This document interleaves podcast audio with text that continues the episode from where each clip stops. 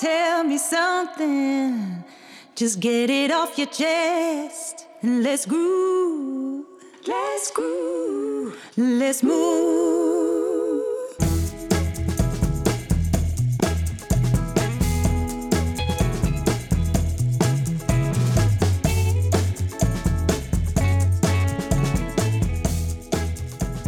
Oké, vandaag in de Tandersclub, Nico. Onderzoeken we de vraag: beginnen we eh, met het eind voor ogen of begin je in het nu?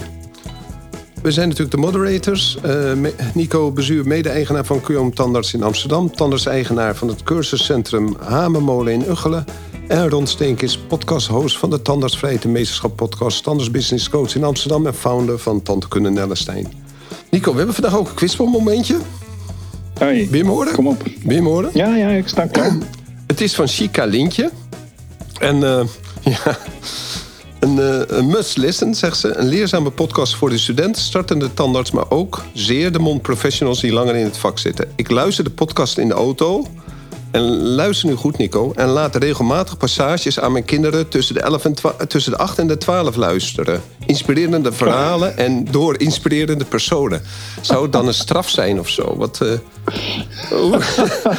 Ik heb daar echt over na zitten denken. Wat ze daar... Zelfde straf. Oké, kom maar hier. Jij gaat in de hoek.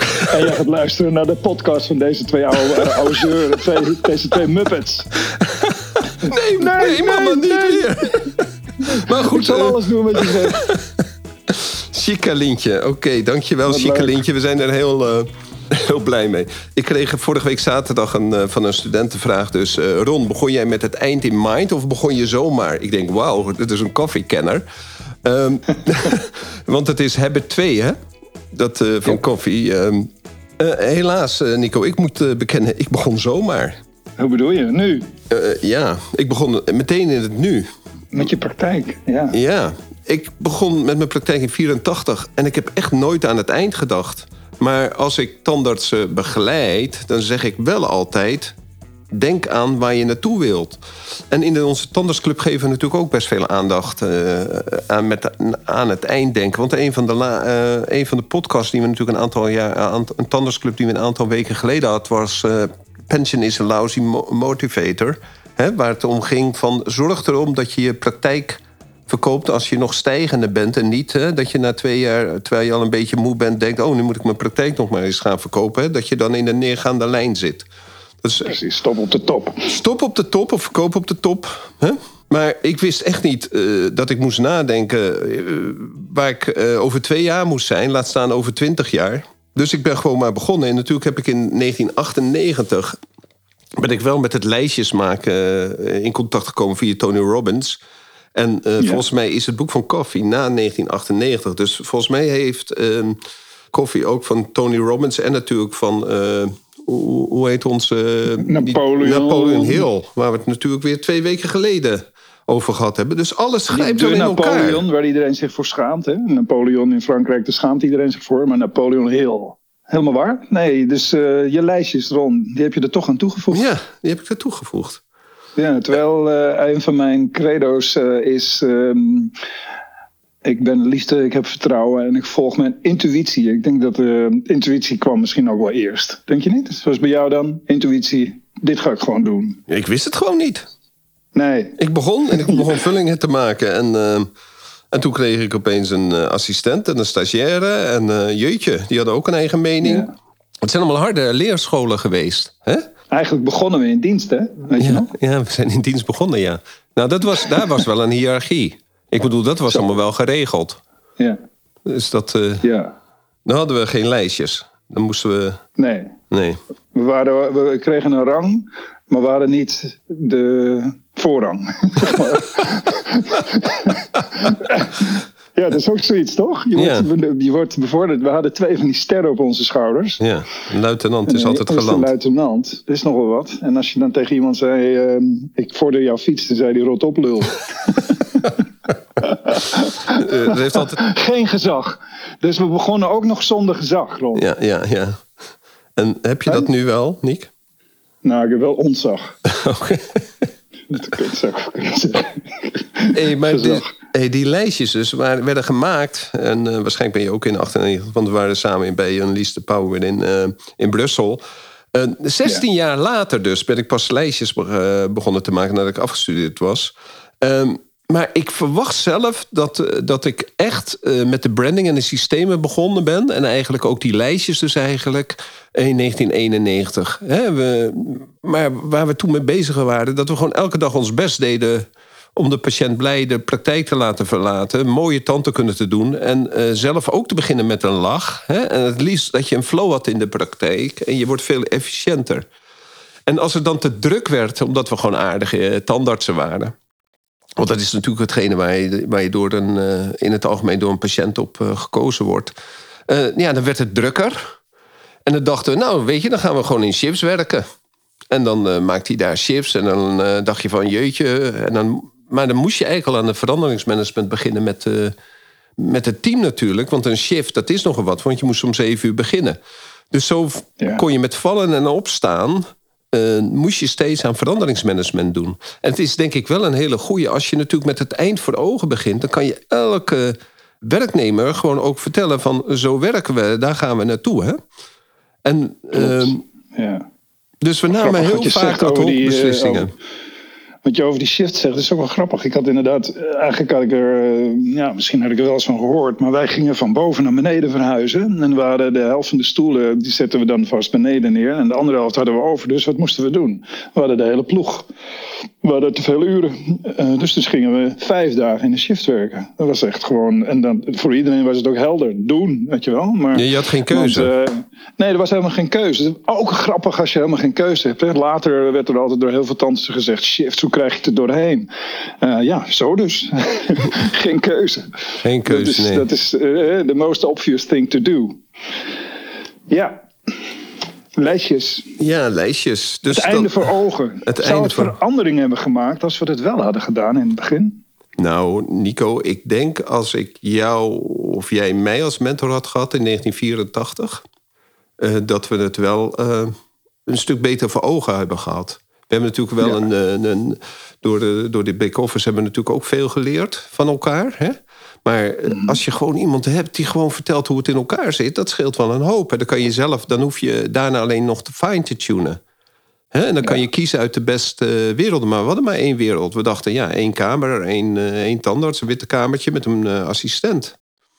En dan langzamerhand begon je te begrijpen dat het, dat het eigenlijk anders kon. En dat op meerdere plekken dan in Nederland kwamen die praktijken opstarten. En jullie zaten natuurlijk in het Jordaan-project al uh, ja, zat je eigenlijk al met, direct bij het water. Want jullie, het was voor jullie een onderzoek waar jullie mee bezig waren. Klopt. Klopt. Ja, ik denk wel dat uh, je moet ook geluk hebben. Dat denk ik dan ook maar. Ik had een heel gelukkige start. Ik startte in het delegatieproject. Nou, notabene, ik denk dat het pas twintig jaar later uh, een soort van uh, code was. Dat je dat, dat uh, tot, tot een heel grote mooie manier van samenwerking zou zijn. Het werd zelfs, het onder, onderzoek werd gestaakt. Maar het werd er eigenlijk mee gedaan. Zelfs de professie was er tegen. Delegatie, hoe? Nee hoor, dat is werkroof. dus, maar ik, ik, ik begon er gewoon in geluk. Weet je wel? Bestaat er dus zoiets als geluk? Nee, ook weer niet. Nee, jij zei ja tegen de mogelijkheid. Ja, Want je had natuurlijk ja tegen de mogelijkheid. Ik zocht hem ook op. Nee, maar je, je, was, je was gelukkig uh, ongelukkig in de praktijk waar je zat. Hè? Je zat daar in de kelder te werken. Ja. En, uh, ja, daarvoor op een zolder. Ja, ja. zo zat het. Ja. ja, maar zo werkt de tandartsen. Ja, het is toch openstaan voor kansen. En, uh, en uiteindelijk toch steeds weer. Ik heb, als ik terugkijk in mijn leven, zie je toch hoe vaak je het, het initiatief hebt genomen om een koers te veranderen. Dus, dus in, in feite is er ook. En, en we hebben toch de meeste koersen hebben we ingezet en veranderingen hebben we ingezet zonder uh, leermeesters. Maar terugkijkend, dat zeg, dat zeg je terecht en in feite hebben we dat ook gedaan, ook met, de, met die masterclass. Wat een verschil als je de mensen al die ervaringen gestructureerd presenteert. Als en dat je die vrijheid van keuze laat zien. Van um, succes is ook gewoon een keuze. het is gewoon een keuze. Maar onwetendheid houdt ongelooflijk veel tegen. Dus, de, de, dus eerst maar eens een keer de, een soort van loading van weet je, eigenlijk, weet je eigenlijk waar de wereld over gaat. En dan zeker ook bijvoorbeeld over een tandartspraktijk. Dat is natuurlijk ook heel bijzonder dat, je, dat we zoveel uit onwetendheid, hebben, uit onwetendheid hebben gedaan. En vaak ook met dingen de eerste waren. Ik weet nog dat ik met een bedrijfsplan kwam bij de bank en dat die zeiden, heb ik nog nooit gekregen zeg. Voor een lening. Ik nog nooit, dat hij nog nooit gekregen. Met een visie ook erin. Weet je? Die had ik gewoon uit uh, Peters en, uh, en Waters en zo. Ja. Gewoon gedacht, ja nee, ik moet gewoon uh, een visie opschrijven. Dus onze coaches, en het einde voor ogen. Onze coaches waren natuurlijk ook wel onze interesses in de boeken en de managementstyle enzovoort. Maar we konden niet ophouden hè? Ik weet joh, ik, die, die, die, die, die het, uh, dat op een gegeven moment Tom Pieters, eh, die had zo'n uh, kringetje. En volgens mij, ik kwam laatst nog een samenvatting van een, een, cursus die ik gaf tegen van. Die, en toen had Alexander aan een samenvatting gemaakt. En dan is dat gewoon, staat er kernproduct, toegevoegde product en het gouden product of het wauwproduct. En die, joh, tot ik toen las, dacht ik, wauw, voor het eerst kreeg ik het inzicht dat mensen mij niet eh, beoordelen op mijn kernproduct, op mijn vulling en op mijn kronen, maar op het extra product. En dat is zo'n aha-leepnis geweest. Ik zat zo in dat kernproduct. Ik zat zo in dat kernproduct. En dat je dat dan leest, denk je: oh, ik zie het opeens. Ik zie welke richting ik op moet. En toen, toen heb ik mijn normen en waarden veranderd. En toen ben ik dus in het nu begonnen, maar toen had ik wel het eind voor ogen van hoe ik tantekunde wilde. Want ik wilde niet met het kernproduct bezig zijn, want dat moest gewoon goed zijn. Nee, ik wilde met het toegevoegde product zijn. En het toegevoegde product wilde ik ook aan mijn personeel over, overbrengen. En ik wilde ook aan mijn, mijn, patiënten overbrengen dat we daarmee bezig waren. En ik denk dat dat de, de, de, de, de twinkel is die mensen voelen als ze in mijn praktijk komen. die natuurlijk eh, in 1998 eh, supermodern uh, was, maar nu in 2012 nog een keer verbouwd is. Maar nu eh, na acht jaar toch weer een beetje sleets wordt. Maar mensen, we gaan nou volgende, volgende, over twee weken gaan we nieuwe stoelen neerzetten. En de patiënten zeggen, ja, maar het is toch een prachtige praktijk, waarom ga je nu weer verbouwen? Maar ja, je, je wil gewoon verder. je ziet dingen gebeuren van ja, je, je, je bent aan het vliegen en je, je laat je vleugels toch steeds iets groter groeien. En dat is wel bijzonder. Kijk, ik merk dat ik zelf enthousiast word nu. Ik, ik word hier zo enthousiast van. Eh, ik word enthousiast van het moment dat ik doorhad hoe, hoe, het, hoe de tandartspraktijk in elkaar zat. Ja. Het is wel interessant. Kofi uh, begint met het einde voor ogen, begint met een begrafenis. Hè? Ja. En dat is ook een, het is meteen ook een visualisatie. Dus, dus stel je voor, stel je voor, je komt, uh, je rijdt de oprijdende laan op, van die bomen, maar een beetje verstilde omgeving. En er zijn al mensen in de zaal. Ja, je schuifelt naar binnen toe, je gaat even achterin zitten. En uh, een aantal, ja, er wordt mooie muziek gedraaid. En je verwacht eigenlijk wel dat er zo, er zal zo iemand. Dus er, ligt ook iemand daar in zo'n kist met zo'n, foto erop. En er zitten mensen in de zaal en die zijn allemaal ja, zijn gepast. Uh, ja, vrolijk of uh, zijn in de rouw of, of, verdrietig. Was er een plotselinge dood of, of wat is het gebeurd? Weet je wel, soms jonge mensen, soms wat ouder.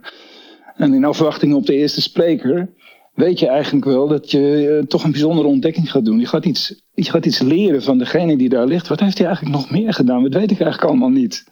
En dan komt er iemand en die vertelt iets over je privé, over het gezin. Wat voor vader of moeder was je? Of, en toch, eh, zeg maar, zo, iedereen die dan iets zegt over die persoon.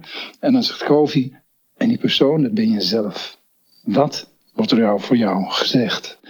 Dat is zo'n indringend moment, omdat op dat moment realiseer je vaak dat die mensen de essenties noemen van wat je in je leven als betekenis en creatieve expressie, wat je hebt neergezet. Je, want je hebt nagelaten, of je geleefd hebt, of je lief hebt gehad, of je van betekenis wat, en of je iets nalaat. En eigenlijk zegt Kovi, ga er maar eens heel goed over nadenken.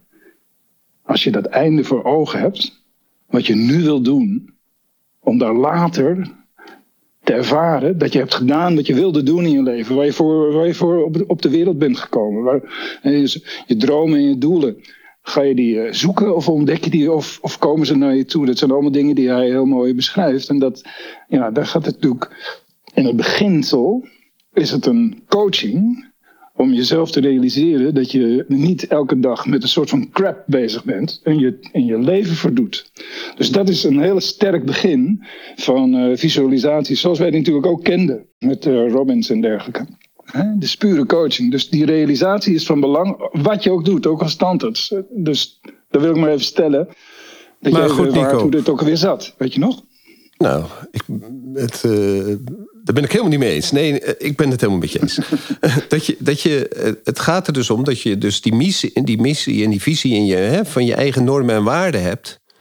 En dat je dat tegen het licht houdt ten opzichte van de beslissingen die je neemt. Hè, van, en dan heb je toch over de, de beslissingen, die neem je in het nu. Maar de normen en waarden, dat is meer uh, het allesomvattende. En als je, als je daar dus al je beslissingen tegen het licht houdt, dan kan het best zijn dat mensen op je begrafenis een mooi verhaal houden. En Co zei natuurlijk ook altijd: alles wordt twee keer gemaakt. Eerst in iemands gedachten en daarna pas in de fysieke gedaante. dus de, de, de, eerst had Henry Ford de gedachte aan een auto. Die heeft hij toen in zijn hoofd uit, uitgetekend. En daarna pas overgebracht in de fysieke gedaante. En zo is het natuurlijk ook met, met uh, Walt Disney, daar hadden we het vorige week nog over. hij zag dat pretpark al in zijn hoofd. En toen is hij bezig gegaan. En hoe lang is hij niet bezig geweest? 120 banken langs gegaan. Uh, wat, uh, wat, wat, voor, wat voor overwinningen moet hij gemaakt hebben om dat te realiseren? Maar hij heeft het al gezien in zijn gedachtes. En dan ben ik natuurlijk wel met uh, Kofi eens. Als je begint in het nu en je kan die gedachten, uh, die ook uh, van jouw nieuwe praktijk, samen met je normen en waarden. En als je elke keer als je dan bij een beslissingsboom komt, bij een kruispunt, dan kan je op dat moment zeggen van dit is mijn einddoel, dit zijn mijn normen en waarden en deze beslissing nemen. En je, er zijn natuurlijk nog wat T-splitsingen en er zijn nog wel wat kruispunten in het leven. En daardoor kan je dus wel op koers blijven. En dan ben ik het natuurlijk wel helemaal met hem eens. Ik ben het gewoon helemaal met hem eens. Als je weet waar je doel zit. Hè? Dat, eh, de zeilboot moet ook weten wat de volgende haven is. Anders is het alleen maar lekker zeilen zonder dat je aankomt. Klopt. Wat ik niet zo. Eh, later realiseer je dat. Je hebt je doelen. En het gaat erom dat je elke dag twee, drie stappen zet. Dat hebben we al eerder besproken. Dat je daar ook die hardheid en die discipline met jezelf in hebt. Tegelijkertijd is het zo dat veel mensen die bijvoorbeeld niet gelukkig zijn, of depressief, of ja, niet zo goed begrijpen waar ze onder lijden, dat die uh, niet goed zien dat die tuchtiging, de weg naar je doel toe en pas genieten als je daar bent, dat het ook niet dat er nog, iets, dat er nog een extra dimensie is. Namelijk, je, je hebt je doel voor ogen. Je werkt keihard aan. En je geniet van het nu. Dus die, die paradox, weet je wel, durf je ook te genieten van dingen die gaan en dingen die misgaan. Weet je wel? Dus ik had bijvoorbeeld, uh, toen ik de Hamermolen kocht, toen, toen vlogen de terroristen door het World Trade Center heen. En toen kwam er niet één klant meer. Iedereen ging naar binnentrainingen toe. Dus ik, ik leed een ongelooflijk verlies. Het vermogen wat ik als tandarts had opgebouwd verdampte zo snel. Dat ik dacht dat ik kon kiezen. Maak ik mij zorgen nu over wat ik verlies? Of geniet ik van het proces dat ik iets aan het overwinnen ben en dat ik mijn dromen en ideaal boven alles zet en dat ik begrijp dat de weg nou eenmaal over um, obstakels gaat. Weet je wel? Dat juist die obstakels ook de uitdaging zijn. Dus de, de, onderweg genieten van je proces. En eigenlijk in elk conflict, elke probleem eh, te zien dat je daar een leerervaring tegenkomt. Waardoor je weer een stap hoger komt. Net als Deming. Dat je stop, look, correct, take action. Dat je steeds maar weer die spiraal omhoog creëert. Ja, zo hebben we natuurlijk wel in de loop der tijd. Als we alle kennis en lijnen en dingen bij elkaar zetten. Dan ga je wel begrijpen dat het allemaal bedoeld is om je op gang te houden in de richting van je dromen en idealen stilte. Ja, het, nee, ik, ik, ik zit, snap je? Ja, nee, ik snap het helemaal. En uh, het, het grappige is natuurlijk, en dat is... Uh, nou, dat zou ik niet meer zeggen, het grappig. uh, wat me zo opvalt is dat... Ja. Die is goed, hè? Wat me zo opvalt is dat... Ehm, als je dat einddoel uh, voor ogen hebt, dan is het natuurlijk zo dat allerlei uh, verrassingen op je weg zullen zijn. Maar verrassingen zijn onzekerheid. En surprises zijn ene keer leuk en andere keer minder leuk. Maar het maken je leven wel aangenaam. je, net zoals dat een conflict eigenlijk. Uh, ik had eens een keer een, een, directeur waar ik niet zo goed mee om kan schieten. En die zei altijd oh, tegen mij: Maar conflicten, conflicten zijn goed, zegt hij. Want als er conflicten zijn, dan weet je dat er, dat er, dat er iets bruist, dat er iets gebeurt. En dat je verder kan samen. Als er geen conflicten zijn, dan is er. Uh, geen polarisatie meer. Dan is het depolarisatie. Hè? Net zoals mensen die heel lang getrouwd zijn, die zijn gedepolariseerd omdat ze gewoon over alles hetzelfde denken, dus eigenlijk nergens meer ruzie over hoeven te maken. Dus je kan ook al die dingen zien als mooie surprises van het leven. En dat jij als drakendoder die draak gaat, dat monster gaat bestrijden en dat je ook zal overwinnen. En als je niet overwint, nou, dan neem je een stapje terug en dan neem je een andere weg. Dan heb je het verkeerde kruispunt genomen. Maar het, het, het grappige is, ja, hoe vaak is het niet geweest, Nico, dat we shit hebben meegemaakt in ons leven en dat we daarna terugkeken, dat we dachten, nou, eigenlijk is het me wel goed dat dit gebeurd is. Hè? Van hoe vaak is dat niet zo geweest als je zo terugkrijgt? Ja, nee, natuurlijk. Dat, zeker, zeker. En het is natuurlijk ook zo dat de, de, soms als je echt in de shit zit, dat je denkt, dan denk je, dit is het ergste wat me kan overkomen. Dan zit je ook in een diep dal. En dan later in die zigzag omhoog, zeg maar, van pijn en uh, kleine manieren om er weer uit te komen, langzaam zeker omhoog. En dan beklim je een niveau en dan kom je boven het niveau uit waar je zat toen je dacht dat je gelukkig was. En dan kom je op een volgende top en dan kijk je terug naar het dal waarin je zat. En dan denk je, dat daar, daar helemaal beneden in het diepste punt. Toen ik dacht dat het het ergste wat, was wat me kon overkomen dat daar, dat ergste, is het misschien wel het beste wat me kon overkomen. Het is natuurlijk heel bijzonder dat het zo kan draaien. Ja, en het is dus ja. maar het is natuurlijk wel belangrijk eh, in dat diepste punt dat je vertrouwen hebt dat het goed zal komen. Als je dat vertrouwen niet hebt, dan worden alle handreikingen die je krijgt van het leven, van de kosmos, van je uh, collega's, van je vrienden, die wijs je af. Ja, en dan blijf je daar maar onder zitten. En soms uh, moet je ook zien dat je ook een zetje van iemand anders krijgt en uh, gebruik die dan ook. dat is zo, dat, is, en die kom, dat zetje komt altijd. Ja, het is vaak zo dat uh, veel mensen proberen de pijn te voorkomen door eruit te komen. Hè? Of mensen krijgen slachtofferhulp. Oh, je stakker, weet je wel. Die halen iemand te snel eruit weg. Niet wetende dat je in dat hele diepe zwarte gat... dat daar de allermooiste leerervaringen op je liggen te wachten. En uh, dat je daar de mensen ook even moet gunnen dat ze daarin gaan. Dus ik, als ik iemand zie die, die helemaal in, het, in de put gaat, dan denk ik vaak ook van nou, ga, ga, dieper. We, we zijn zo vaak bezig om niet uit het dal te gaan, eh, om uit het dal te klimmen. En dan vergeet je dat het stuk wat nog dieper zat, dat daar de energie zit. Om misschien voor, voor weer een heel groot stuk, hè, vaak in een soort van de volgende tien jaar, om een koers te vinden die je nodig had. Dus ook die angst om, om eens even goed in de pijn te gaan, daar, uh, ja, moet ik best wel vaak tegen mensen zeggen van, weet je, ga, ga verder. In plaats van meteen te zeggen, oh, wat erg, maar weet je, herkennen, ervaren erkennen, uh, nu nog de leerervaring eruit en dan accepteer je het wel en dan komt er een nieuw leven. En denk je, ja, nee, niet te vroeg, niet te vroeg, weet je wel. Soms is het echt nodig om diep, dieper, dieper, dieper, dieper en dieper. Ja. Dus, er zijn hele songs over geschreven. Maar dat is ook dus nodig. Hè? Dus het einde voor ogen, maar ook diepe dal in. Dat zijn allemaal toch wel. Hè? Dus zo die, die paradox van het bestaan zit toch heel vaak in die euforie op de top.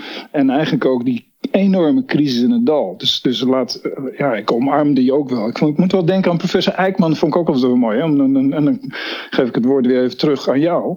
Die zei uh, altijd, als ik een droom of een ideaal heb, dan spreek ik dat uit in de wandelgangen op de afdeling eh, sociale tandheelkunde.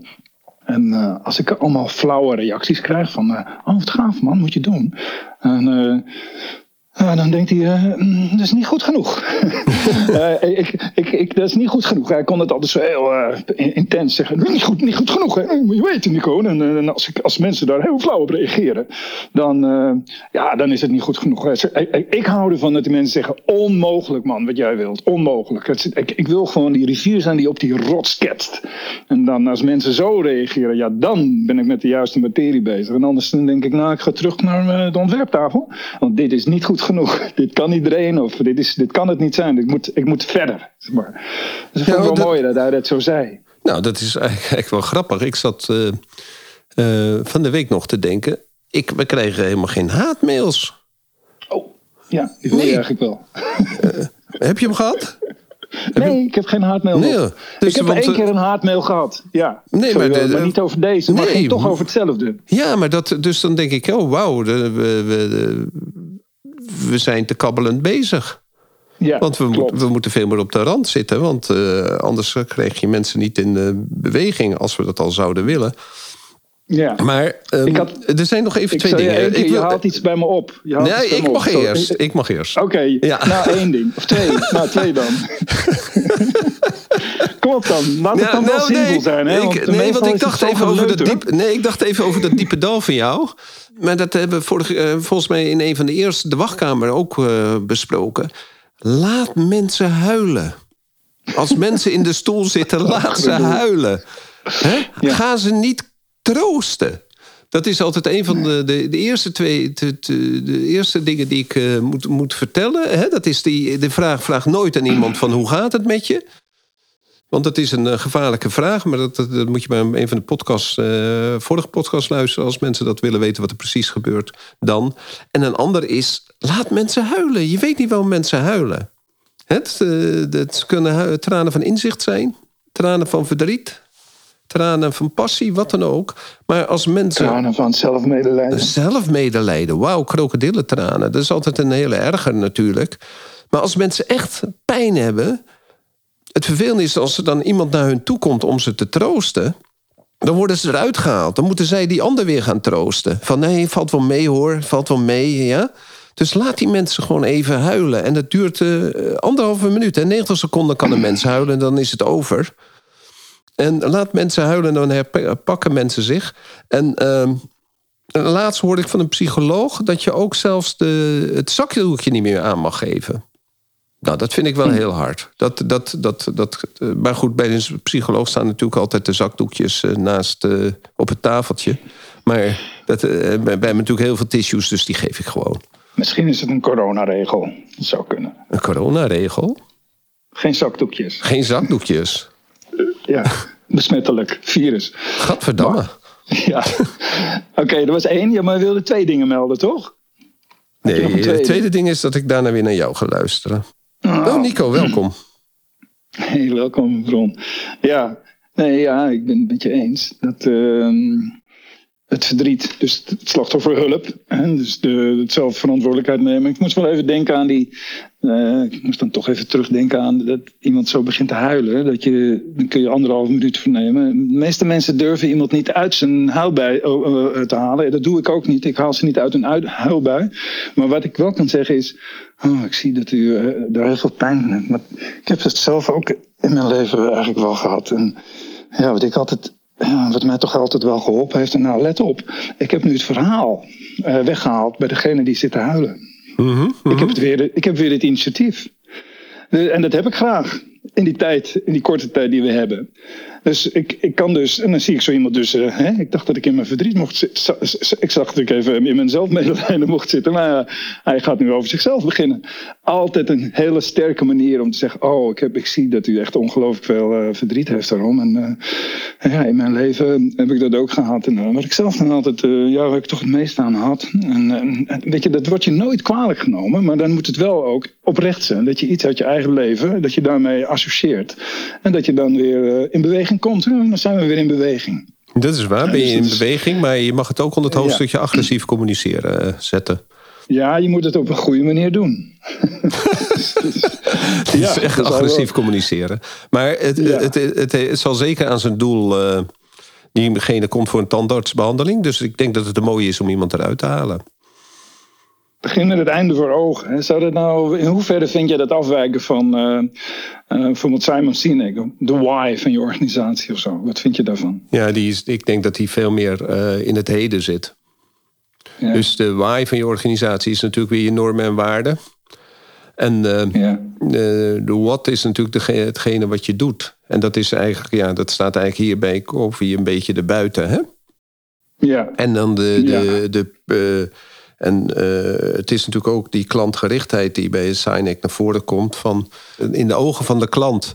Wat is het, hoe, hoe ervaart de klant eigenlijk hetgene wat je, wat je geeft en doet? Hè?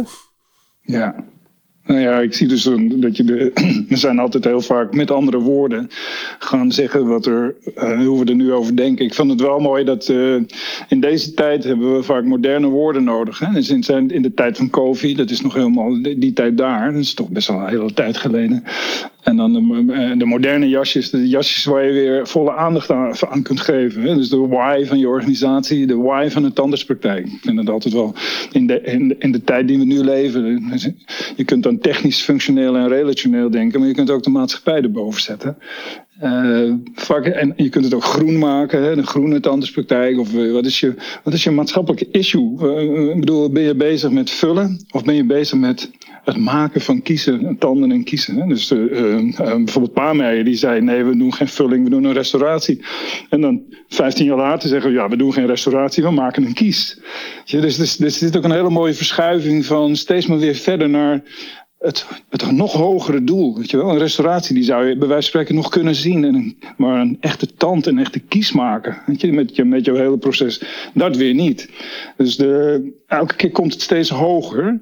En ik, ik zit zelf bij die hoogste why, denk ik, ja, we zitten heel vaak nog over tanden en kiezen te praten, maar in deze tijd komen we dan bij gezondheid. En bij um, mensen zorgen dat ze uh, mooie tanden en kiezen, hun onderhoud, hun, zelf, hun zelfverzorging, is, staat een beetje garant voor uh, als je goed voor je mond zorgt, zorg je misschien ook zelfs wel goed voor je, voor je leven en voor je omgeving. Je kunt eigenlijk in die details waar wij in zitten, er zit een, eigenlijk een soort van engram. Hè? Er, zit, zit best wel een, soort van DNA, RNA-code van hoe mensen ook in de rest van hun leven zijn. Ik, ik, ik denk dat wij, vroeger zeiden ze altijd, je kunt een paard het beste in de mond kijken, dan weet je of die gezond is ik geloof dat wij dat ook heel erg goed kunnen. Dus wij, kunnen eigenlijk heel erg goed zien waar iemand in zijn, in zijn leven is. En dus die, die why, die kun je dus heel mooi hoog neerzetten. Kofi zei dan dat hij in een bedrijf kan en iedereen deed zijn ongelooflijk zijn best. Onvoorwaardelijke persoonlijke service viel hem op. En dat, dat stond ook in hun credo. Onvoorwaardelijke persoonlijke service. Overal zag hij mensen die hun uiterste best deden om jou, zeg maar, te helpen. Echt, ze lieten alles uit hun handen vallen en ze hielpen je. En toen uiteindelijk bij de baas gekomen, vroeg hij naar het geheim. En zeiden ja, nou ja, we hebben een persoonlijk statuut uh, van de keten. Ja, mooi, prachtig. Maar we hebben ook een eigen statuut. Goed, dat liet hij dan lezen. En hij was helemaal verbaasd over de woordkeus en over de passie die erin zat. En toen zei die, uh, de, de leider van, van de locatie, die zei, dit hebben we met z'n allen geschreven. Dat vond ik ook zo mooi. Ja. Dat hij zei, dat viel op. Weet je? Hij zegt, dit doen we echt met iedereen erbij. De monteurs, de chauffeurs, de mensen die in het product zitten, de mensen in de sales. Iedereen zijn we met elkaar bij elkaar gezet en hebben we gezegd, nou wat is nou, wat is nou waar we voor staan? En door iedereen een kans te geven om in zijn eigen woorden een toevoeging te doen, kwam er dus een statuut, statuut dat levend water was. Dat, vond ik ook een, dat vind ik wel mooi. Dat, toen ik dat hoofdstuk nog weer eens aan het herlezen was, dacht ik, ja, dat is wel gaaf. Dat is toch, blijft mooi om te doen. Ik zeg gewoon eens tegen de mensen, schrijf een to-do do's en don't lijst op. Maar dit is ook mooi. Dat je met elkaar die why beschrijft, dat je daaraan werkt. Dat wordt natuurlijk ook, het is ook vaak wat ik voorstel, werken met elkaar. Dan laat de baas maar eerst. Maar werken met elkaar, maken een gemeenschappelijke taal en dromen en idealen. Zoals nou ja, maar dat komt ook bij Kofi terecht natuurlijk. Kofi schrijft ook in zijn eh, tweede habit uh, een personal mission statement. Een persoonlijk statuut. Een belofte aan jezelf natuurlijk. Hè? En je lijfspreuk, dat zijn dingen die... Uh, ja, dat zijn de sleutels van uh, hoe, je, hoe je je plan gaat opstellen. En dat is wel grappig. En daar, daar moet je dan in de, uh, inderdaad, wat uh, dat ik, dat, dat dan ook weer, ja, dat er toch allemaal steeds weer die raakvlakken zijn. Hè? Het, het zijn toch de principes de, van als je die stappen zo neemt van de Bijbel naar Napoleon Hill en dan. Hè? Het zijn toch weer steeds diezelfde dingen die terugkomen en die die ook appelleren aan het gevoel van de mensen. Hè? De, ook die, in elke Hollywoodfilm is natuurlijk ook zo uh, dat je in het diep dal zit en dat er dan een, wijze man in de vorm van een vriend of wat dan ook langskomt en dat je er langzaam aanklautert, dat je wat dingen zal overwinnen en dan op het eind dan is het een happy end. Dus het is wel het verhaal van de mensheid, hè? Dat, het is de reis van de held. Het, het is de reis van de held, ja. En dat wil Kofi eigenlijk. Uh, dat, dat, doet hij natuurlijk hetzelfde met, met die met de begrafenistoespraak, dat is gewoon natuurlijk ook het verhaal van hoe zou het verhaal van in de, de Lion King zijn. Hè? Hoe zou de kleine Lion King uh, het verhaal terugkijken? Die, ja, dan zou hij best willen dat, het, zo, hè, dat er zo op zijn graf wordt gepraat... Als, zoals het in de film gaat. Hè? Wat gebeurde er en wat heb je overwonnen? En wie waren je helden en wie stonden naast je... en wat waren de boeven? Ja. Dat zijn de slechte dus, geesten in je hoofd die je moet overwinnen. Leuk dat we nou even inkomen. Hè? De reis van held, die begint ook met... ja, je leven van alle dag er ontbreekt iets. Je wel? Het leven is saai of incompleet of, of voorspelbaar. Of je droomt ergens van. Hè? Dan, dat, dat stukje, dat meldt hij eigenlijk ook. Hè? Dus die reis van die held. Het mooie, mooie vind ik dat je denkt dan op een gegeven moment... goed, dan kom je dus inderdaad je, je problemen tegen... je komt je wijzen tegen, je, je, je gaat op zoek naar de levenselixer... je denkt dat je het gevonden hebt... en dan vlak voor de uitgang wordt in elke film... wordt de held nog eenmaal heel zwaar getest... Ja. Het is niet zo dat je, je, je weet alles al. Maar het verschil tussen weten wat je moet doen en doen wat je weet, wordt door middel van een hele zware test, wordt dat nog eens een keer uh, onderga je. Dus dat is een soort van future check. Dus oké, weet je wel, je denkt dat je doordat je alles weet, dat je niet meer in de problemen komt. Nee, dat is niet waar. Je komt juist wel in de problemen. En pas je dan toe wat je hebt geleerd. Pas je dat toe. Dat is de ultieme test, waardoor je dus met het levenselixer ook eruit gaat. En dan zegt iedereen, dat zegt Kofi ook, en dat zegt eigenlijk iedereen. En het is niet alleen voor jezelf. Op dat moment begint je leven, zodat je ook andere mensen uh, stukjes kunt helpen met hun puzzel. dus dat is, dus, want alleen met de, eh, zeg maar, de kennis op zak kom je niet verder. Maar je leert de kennis nog beter als je er ook in gaat doseren. Als je mensen daarin ook, als je de mensen om je heen, als je jezelf test. En dat je denkt van nou, ik ga jou proberen uit te leggen hoe het werkt. Dat is de volgende fase. Dus het is niet zo dat je op, de, op het feest van je examen, dat je gelauwerd wordt. Nee, je bent de eerste die het feest verlaat en die aan het werk moet om in praktijk te brengen wat hij heeft geleerd. Want het is nog steeds ruw materiaal. Je weg begint daarna met opstaan, met andere mensen duidelijk maken en daardoor indirect steeds meer jezelf te verduidelijken wat nou werkelijk werkt en wat niet werkt. Dus ik vind de reis van de held altijd een prachtig proces. Om bij elke film, om hem even te zien. Ja, ik weet niet. Eigenlijk heeft elke film, als hij er niet in zit, is de film niet interessant. Is de flop. Ja, is de flop. Dus, en eigenlijk om jouw zinnen die je laatst gezegd hebt uh, samen te vatten. Stel als je een doel voor ogen hebt, stel de prijs vast wat je ervoor over hebt om het doel te behalen. Als je dat niet vaststelt, ja, van ik wil, um, ik wil een bepaalde studie doen, dan moet je daar ook tijd voor inruimen. Dan moet je, daar, dan moet je dingen daarvoor afzeggen. Dus je moet wel de prijs ergens voor vaststellen, want anders eh, stap je elke keer naar een ander gadget over. En dan heb je te weinig tijd ervoor over om jouw doel te behalen. En dat is ook een van de sleutels die uh, volgens mij Koffie aan uh, in, in zijn boek aangeeft. Wat is de prijs voor hetgene wat je wil bereiken? Als je dat niet goed inzet van de, als je, stel dat je een studie wil, een extra studie wil doen, dan moet je wel met je gezin bespreken dat je dat gaat doen. En weet je ook zelf dat je op dat misschien eh, moet stoppen met je voetbalwedstrijd op zaterdagochtend of, of met je trainingen. Of stel vast dat je wat minder inkomen hebt. Maar kijk wat er gebeurt. Hè? Stel, eh, maak die lijstjes, die Franklin-lijstjes zoals we noemen, de voor's en de tegens. En kijk wat, er, wat het me levert me op en wat gaat het me kosten. Dus, en als je het niet opschrijft, Nico, dan blijft het een wens. Een troebele, ja, dan blijft het een wens of een, troebele kruik. Een troebele kruik. Oh, nog even, ja. een, een van de andere dingen. Die, uh, dan hebben we gewoon, dat, volgens mij helemaal, daar hebben het uh, twee. Zorg dat je, als je in het bos aan het kappen bent, uh, dat je in het goede bos bent. Want anders ben je heel hard aan het, aan het kappen, terwijl je misschien ergens het verkeerde pad maakt. En dat is hetzelfde als de ladder tegen de verkeerde muur zetten. Hè? Van, dan kan je de succesladder bij klimmen. Maar als het ja, als het niet jouw doel is om, uh, om die muur te beklimmen, uh, dan, ja, dan ben je wel fijn aan het klimmen, maar dan bereik je je doel niet.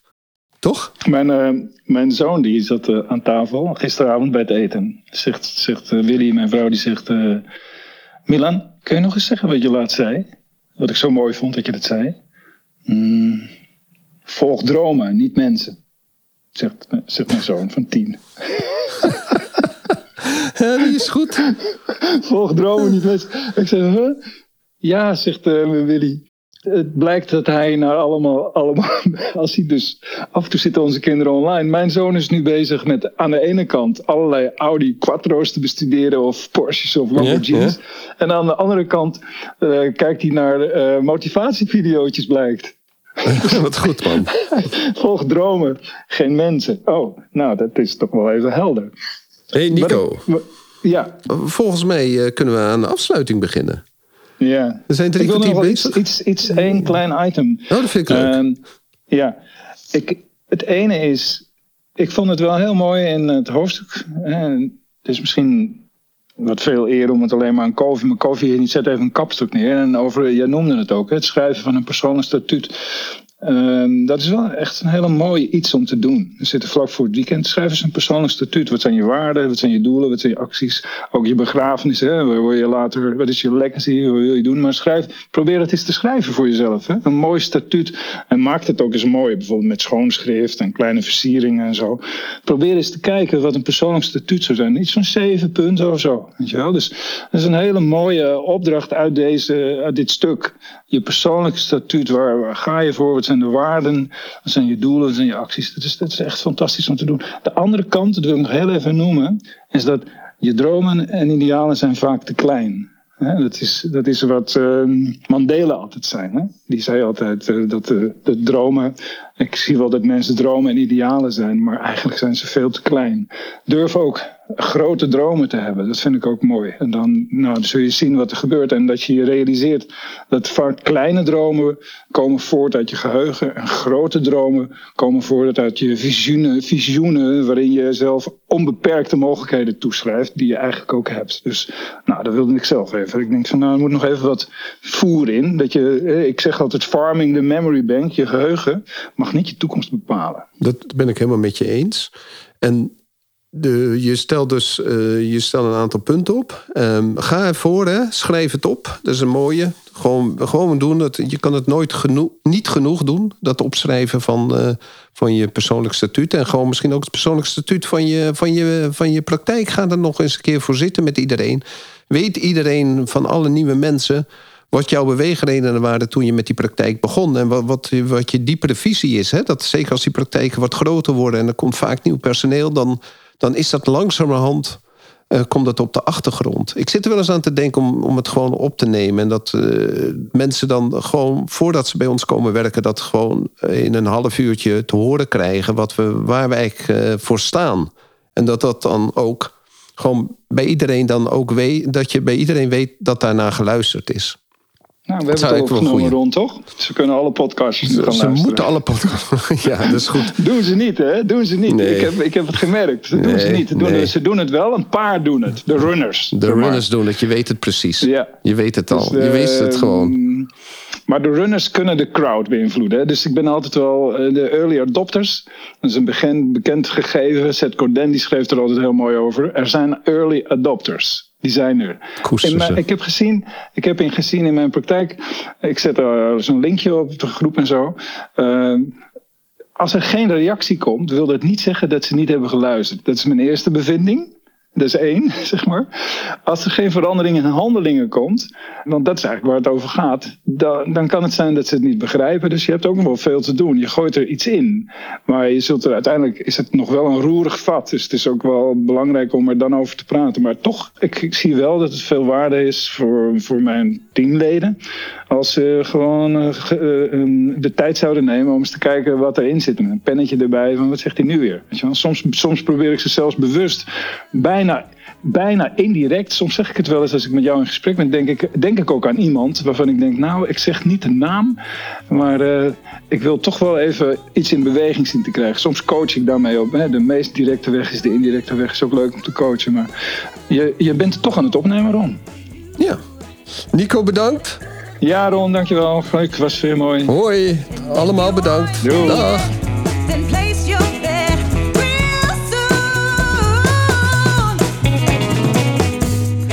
Super dat je weer luistert naar een aflevering van de Tandersvrijheid en Meesterschap podcast. Ik zou het zeer op prijs stellen als je een review achter zou laten.